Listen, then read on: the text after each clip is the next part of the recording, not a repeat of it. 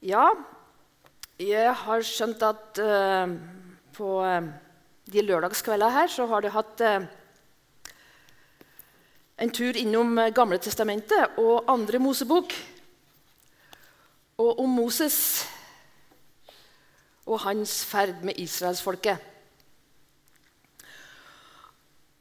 Og i dag så skal vi være i kapittel 40. Og det er det siste kapitlet i andre Mosebok. Og der handler det om hvordan Guds herlighet fylte helligdommen. Og da har jeg lyst til å ta en sånn liten kikk bakover. Og som du ser på bildet her, så er det bildet ifra Sinai, eller ifra Guds fjell, Horeb. Da Moses hadde, hadde vært hos eh, og gjeta sauer 40 år hadde han vært der ute i Moabs ørken og gjette sauer. 40 år.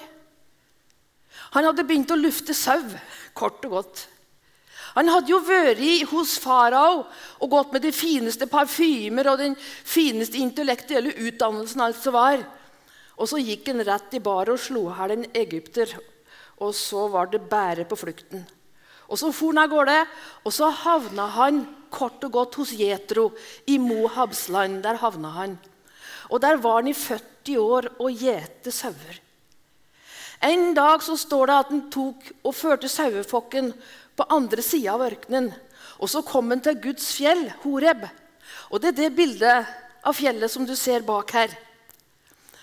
Og Da åpenbarte Gud seg for han i en tornebusk. Og så sa Gud til han, 'Moses, Moses, ta skoa dine av føttene dine, for du står på hellig grunn.' Og jeg tror kanskje at Moses slettes ikke tenkte der han gikk ute i villmarka med en hel haug med sauer, og han luftet fårikål. Ikke sant? Ja, det gjorde han. Mm. Og så sier Gud til han, 'Dette er hellig grunn'.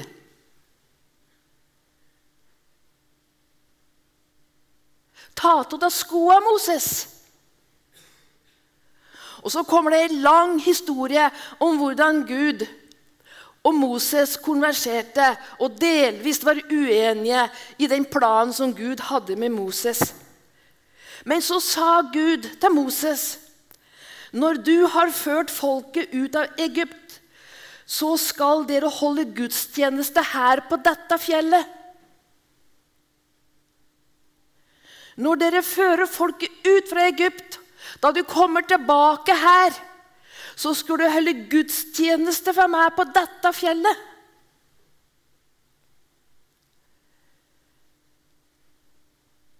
Nå hadde det kanskje gått en ca. to år, og så var han her. Han var ikke i Sinai, som ligger på Sinai-halvøya. Han var i det Sinai som ligger på den arabiske sida. Han var her. Dersom Gud hadde vist seg for han i en tornebusk og sa at han var på hellig grunn. Og da du kommer tilbake, Moses, så skulle du holde gudstjeneste for meg, du og folket.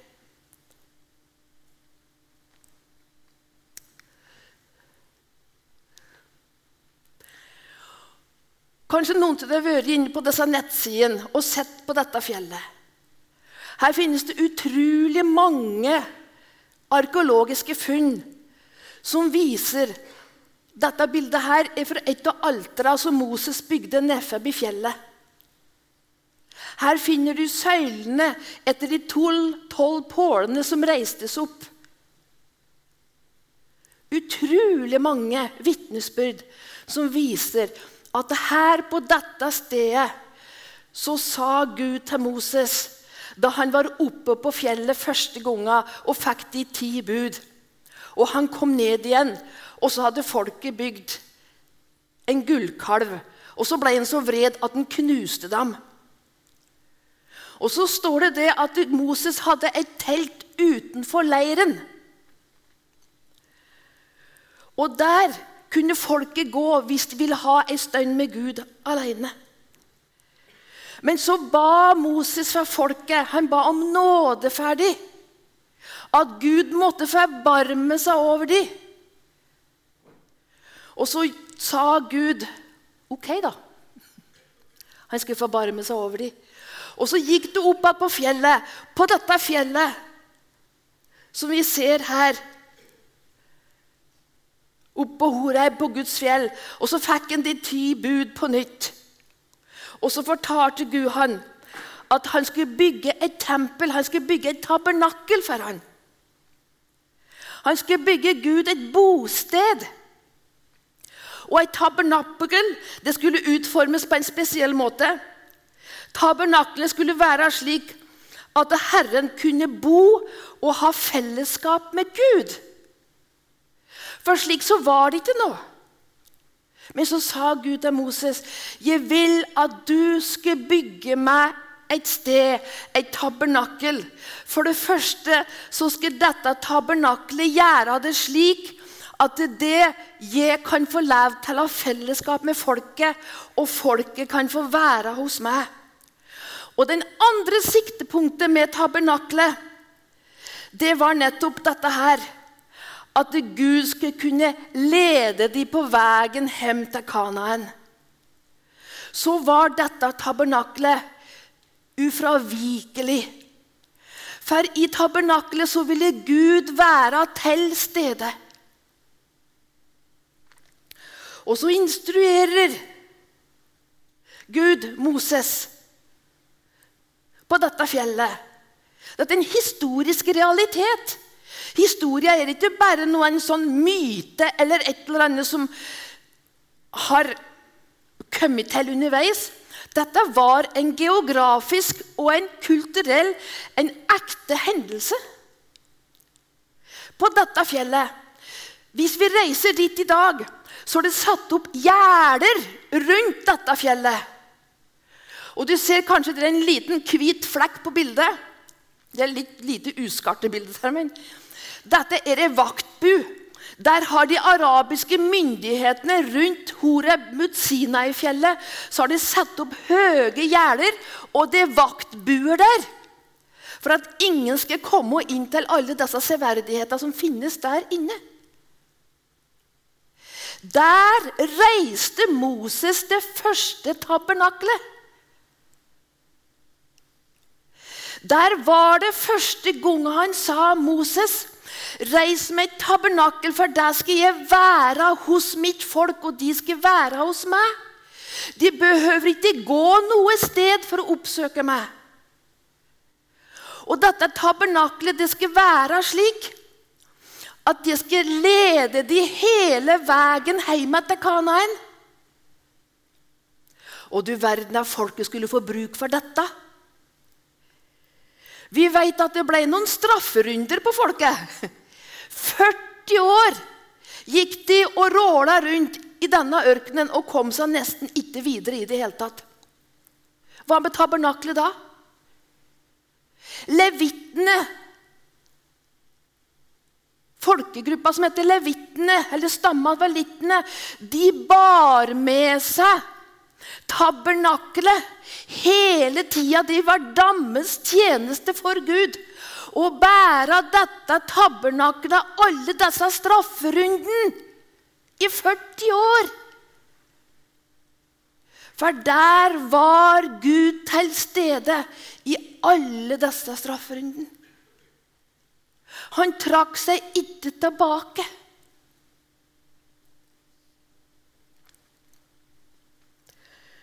Så kommer det litt, ganske mye tekst opp her. Og nå tenkte jeg at vi skal lese denne teksten i lag. Blir du med på det? Ja. Skal jeg gå hit slik at vi ser i lag? Og her er det oppdraget som Moses fikk. Så sier vi Så tok Moses vitnesbyrdet og la det i paktkisten satte bærestengene i og la soningsstedet som lokk på kisten. Han satte kisten inn i boligen og hengte opp forhengsteppet, slik at det dekket for kisten med vitnesbyrde, slik Herren hadde befalt Moses. Han satte bordet inn i telthelligdommen på nordsiden av boligen, utenfor forhenget. På det la han brødene til rette for Herrens ansikt, slik Herren hadde befalt Moses. Lysestaken satte han i telthelligdommen, rett over bordet på sørsiden av boligen. Han satte opp lampene for Herrens ansikt, slik Herren hadde befalt Moses. Det gullkledde alteret satte han også i telthelligdommen foran forhenget.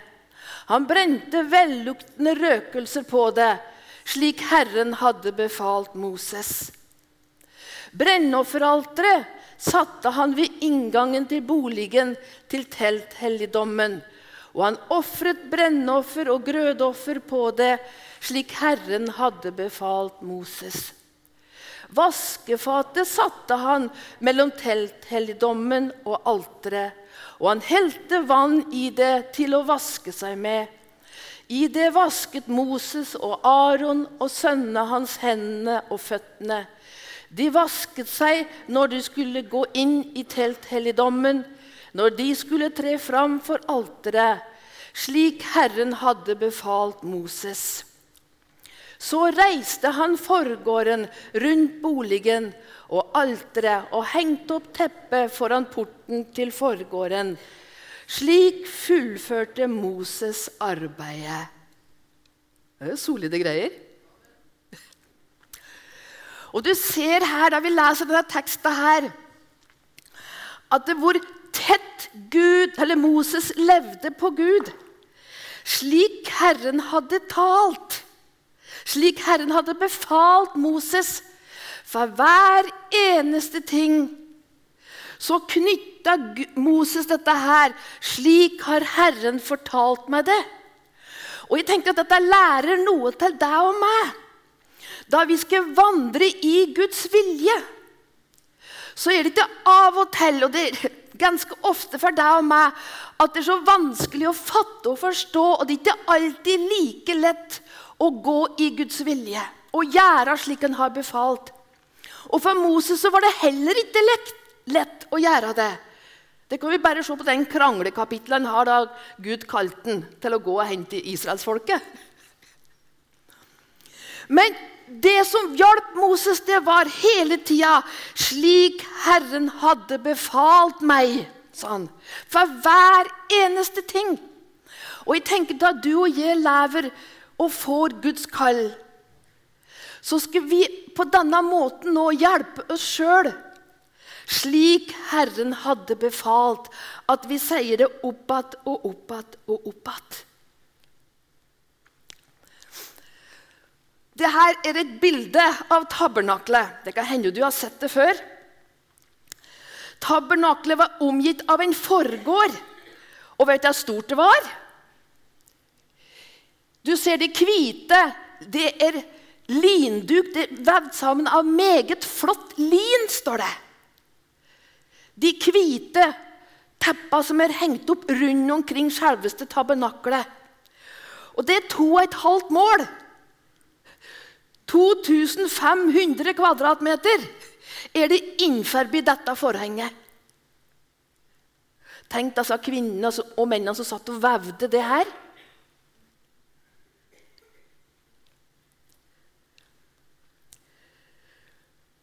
Og sjølveste. Og i forgården så sto det et renselseskar, som vi ser. Og så er det et brennofferaltere der de skulle brenne offeret. Og I dette renselseskaret vaska de seg. Her var Aron og prester som vasker seg på hendene, som vasker seg på føttene, før de kunne ofre.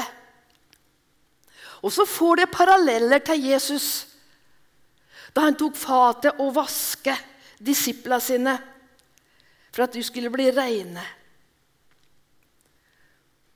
Og så har vi de hellige da vi kommer inn i teltet der. Og dette er 10 ganger 50 meter. Ganske smalt og langt. Og i det hellige står brødet med skuebrødene på. Der vi ser presten står. Der er det skuebrød. Og disse var laga av ca. 4,5 kilo mjæl. Ett brød var laga av 4,5 kilo mjæl. Det var svære greier. sjøl. Det var ikke bare noe donuts, dette her. og vet du hvor mange slike skuebrød det var? Det heter skuebrød. Tolv stykker. Ett brød for hver av Israels stamme. I ei hel viku skulle disse skuebrøda ligge på dette bordet. For de skulle skue Guds åsyn, og Gud skulle skue de. Er det ikke flott? Og så Hvis vi tar en kvikken den til Jesus, så sier han at 'Jeg er livets brød'. Dette brødet her måtte dere skifte ut en gang i vikua. Hver sjuende dag tok de og skiftet ut. Hvis vi tar en kvikkeng tilbake til Gammeltestamentet, Husker du David? Da han var sulten og hungrig i lag med soldatene sine, han var på flukt fra Saul, så gikk han inn i tempelet, og så åt han av disse tolv brøda. Han spurte ypperstepresten om han kunne få dem, og så fikk han disse gamle greiene. da. Gammelt brød. Det var egentlig Aron, de prester, som skulle ete opp det, for det var hellig brød. Så sier Jesus at 'jeg er livets brød'. Du trenger ikke skifte ut meg. Så har vi den sjuarmede lysestaken som står der. Den skulle ha en funksjon med å lyse opp i tempelet. Men den hadde også en symbolsk virkning, eller en betydning. I Johannes' åpenbaring sammenlignes den med menigheten. Den sammenlignes med gullysestaken. Menighetens oppgave er å bringe Guds lys ut til folkeslagene. Og Dette skulle minne israelsfolket om at de skulle bringe evangeliet. Evangeliet med bringe kunnskapen om Gud til de fremmede folkeslag.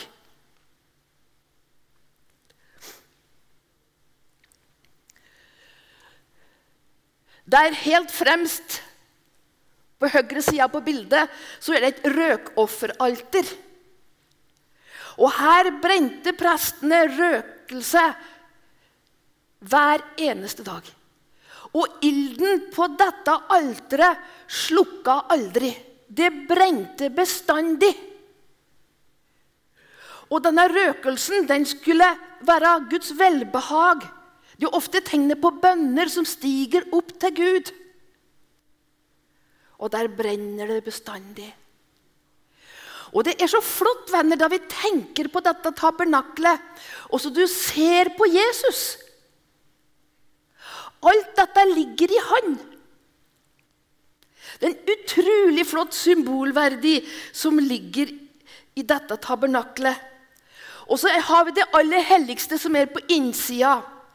Der har du nådestolen, eller soningsstedet, som det heter. Og det er paktens ark. Der lå de ti bud. Og oppå der var det et gullokk, og så sto det to kjeruber over. Og det venga de møttes over soningsstedet for å skjule. Kjerubene skjulte budene og kravene som lå der. Hvis vi leser i Romerne kapittel 3, så står det han, altså Gud, stilte Gud til, ham stilte Gud til skue i hans blod som en nådestol, står det ved troen, for å vise sin rettferdighet. For i ham fordi han i sin langmodighet hadde båret over med de syndene som før var gjort. Ved dette ville Gud vise sin rettferdighet i sin tid, som nå er. Så han kunne være rettferdig og rettferdiggjøre dem som har troen på Kristus. Så er det Kristus som er dette gullokket. Som er dette soningsstedet som legger seg over. Og vi vet at en gang i året så gikk ypperstepresten inn og sona og sprengte blod på dette alteret. Fra blod fra syndebukken. Nå tenkte jeg må, må vise deg et japansk tegn her. Jeg vet ikke, jeg skulle kanskje hatt det på skjermen, men kanskje du ser det hvis jeg skriver det her. Oi sann, hva gjorde jeg nå, da? Jeg må vise det på iPaden min. vet du. Yes. Det er ei lita flate. Israelsfolket, en gang i året gikk ypperstepresten inn i det aller helligste med blodet fra syndebukken. Og så sprengte de soningsblodet på dette. År etter år måtte de gjøre dette opp igjen og opp igjen og så sier Johannes, den peker på Jesus, se der Guds lam som bærer bort verdens synd. Og så sona han en gang for alle.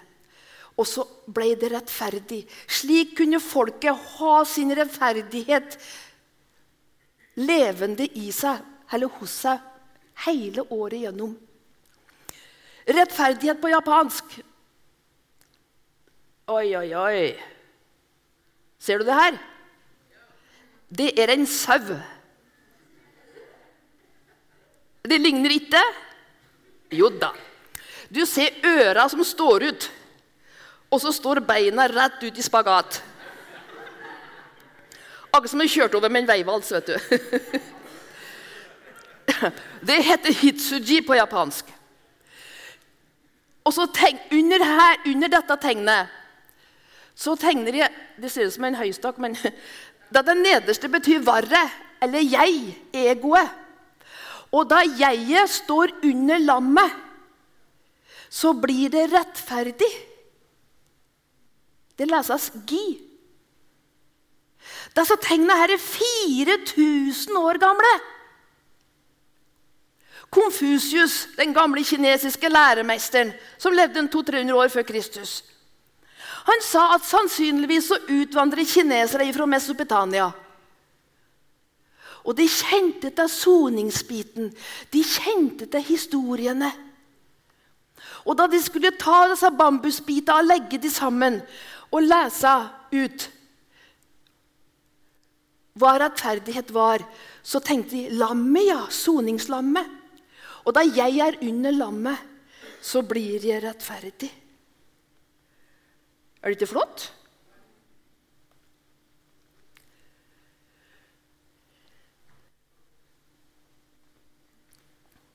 Nå ser jeg at tida har gått ifra meg.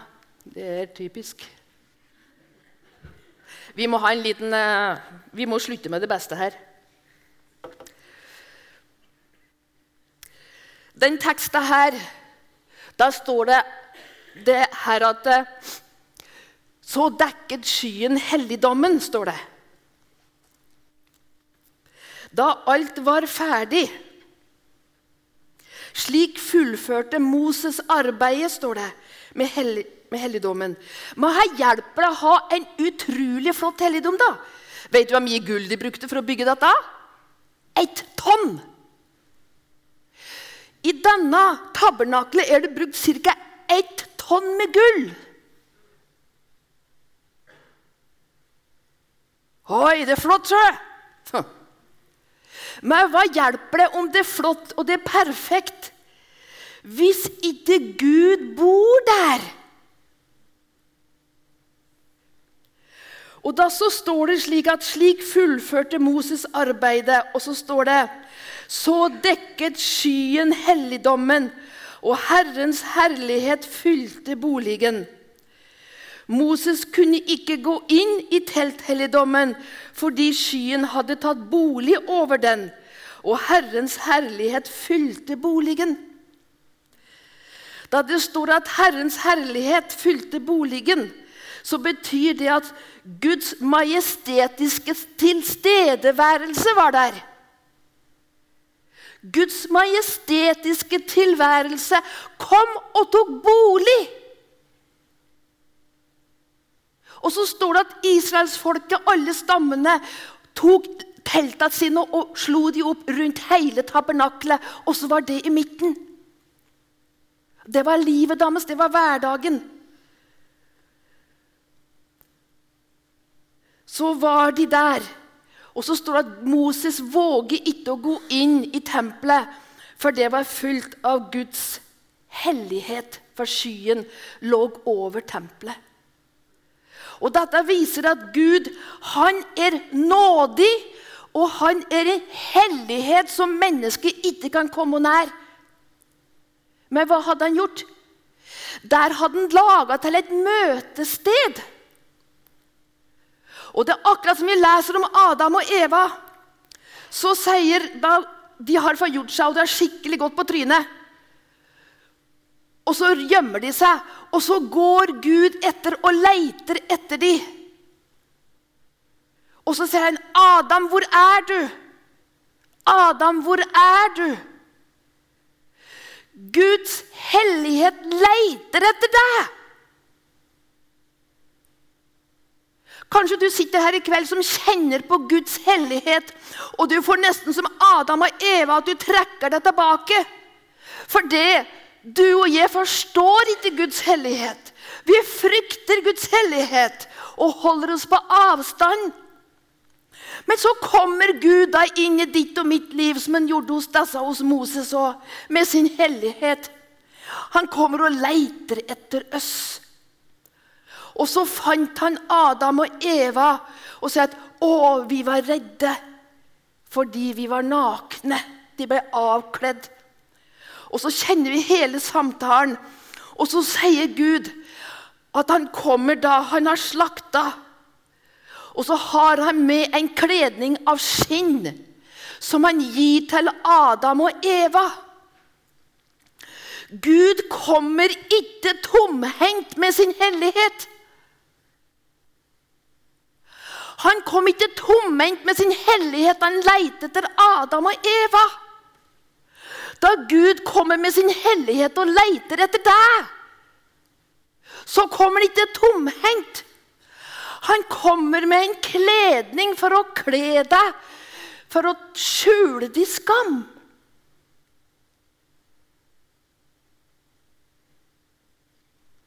Slik er Guds herlighet som ligger over tabernakelet. En hellighet som ikke kommer tomhendt.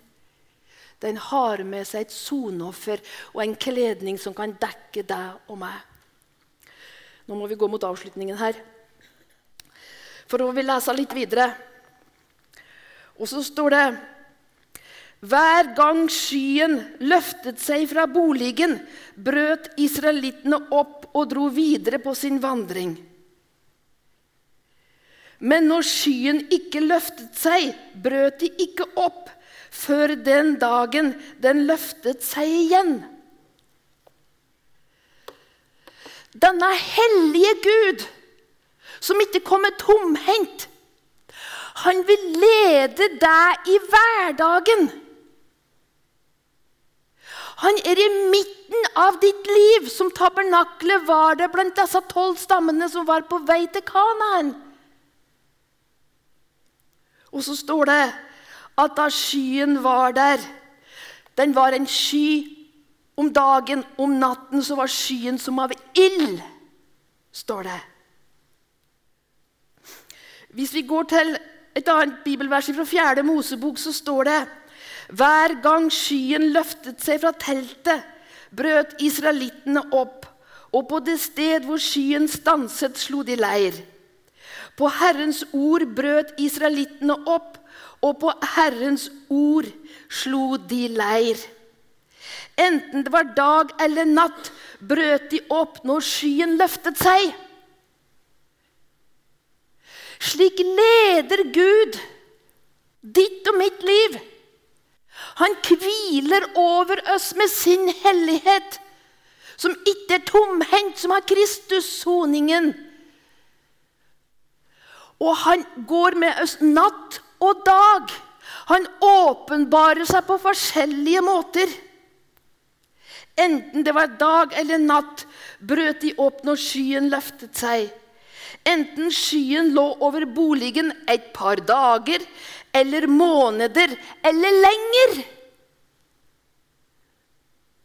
holdt israelitten seg i leiren og brøt ikke opp. Dette tabernaklet som er i vår midte, som er Kristus, det kan gi deg og meg en tålmodighet til å vente i dager, i måneder og lengre og lengre. Hvor lenge venter Moses? 40 år! Og hele dette var hellig grunn.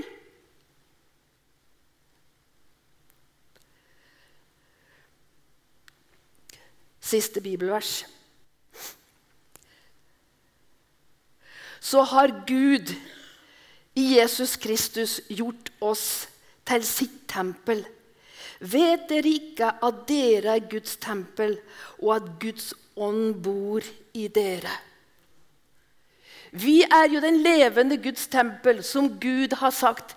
Jeg vil bo hos dem og ferdes iblant dem, og jeg vil være deres Gud, og de skal være mitt folk. Se, Guds bolig er hos menneskene.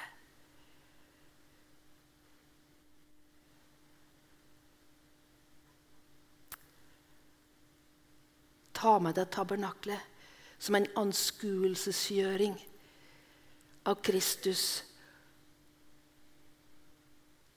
At han går tett ved sida av deg.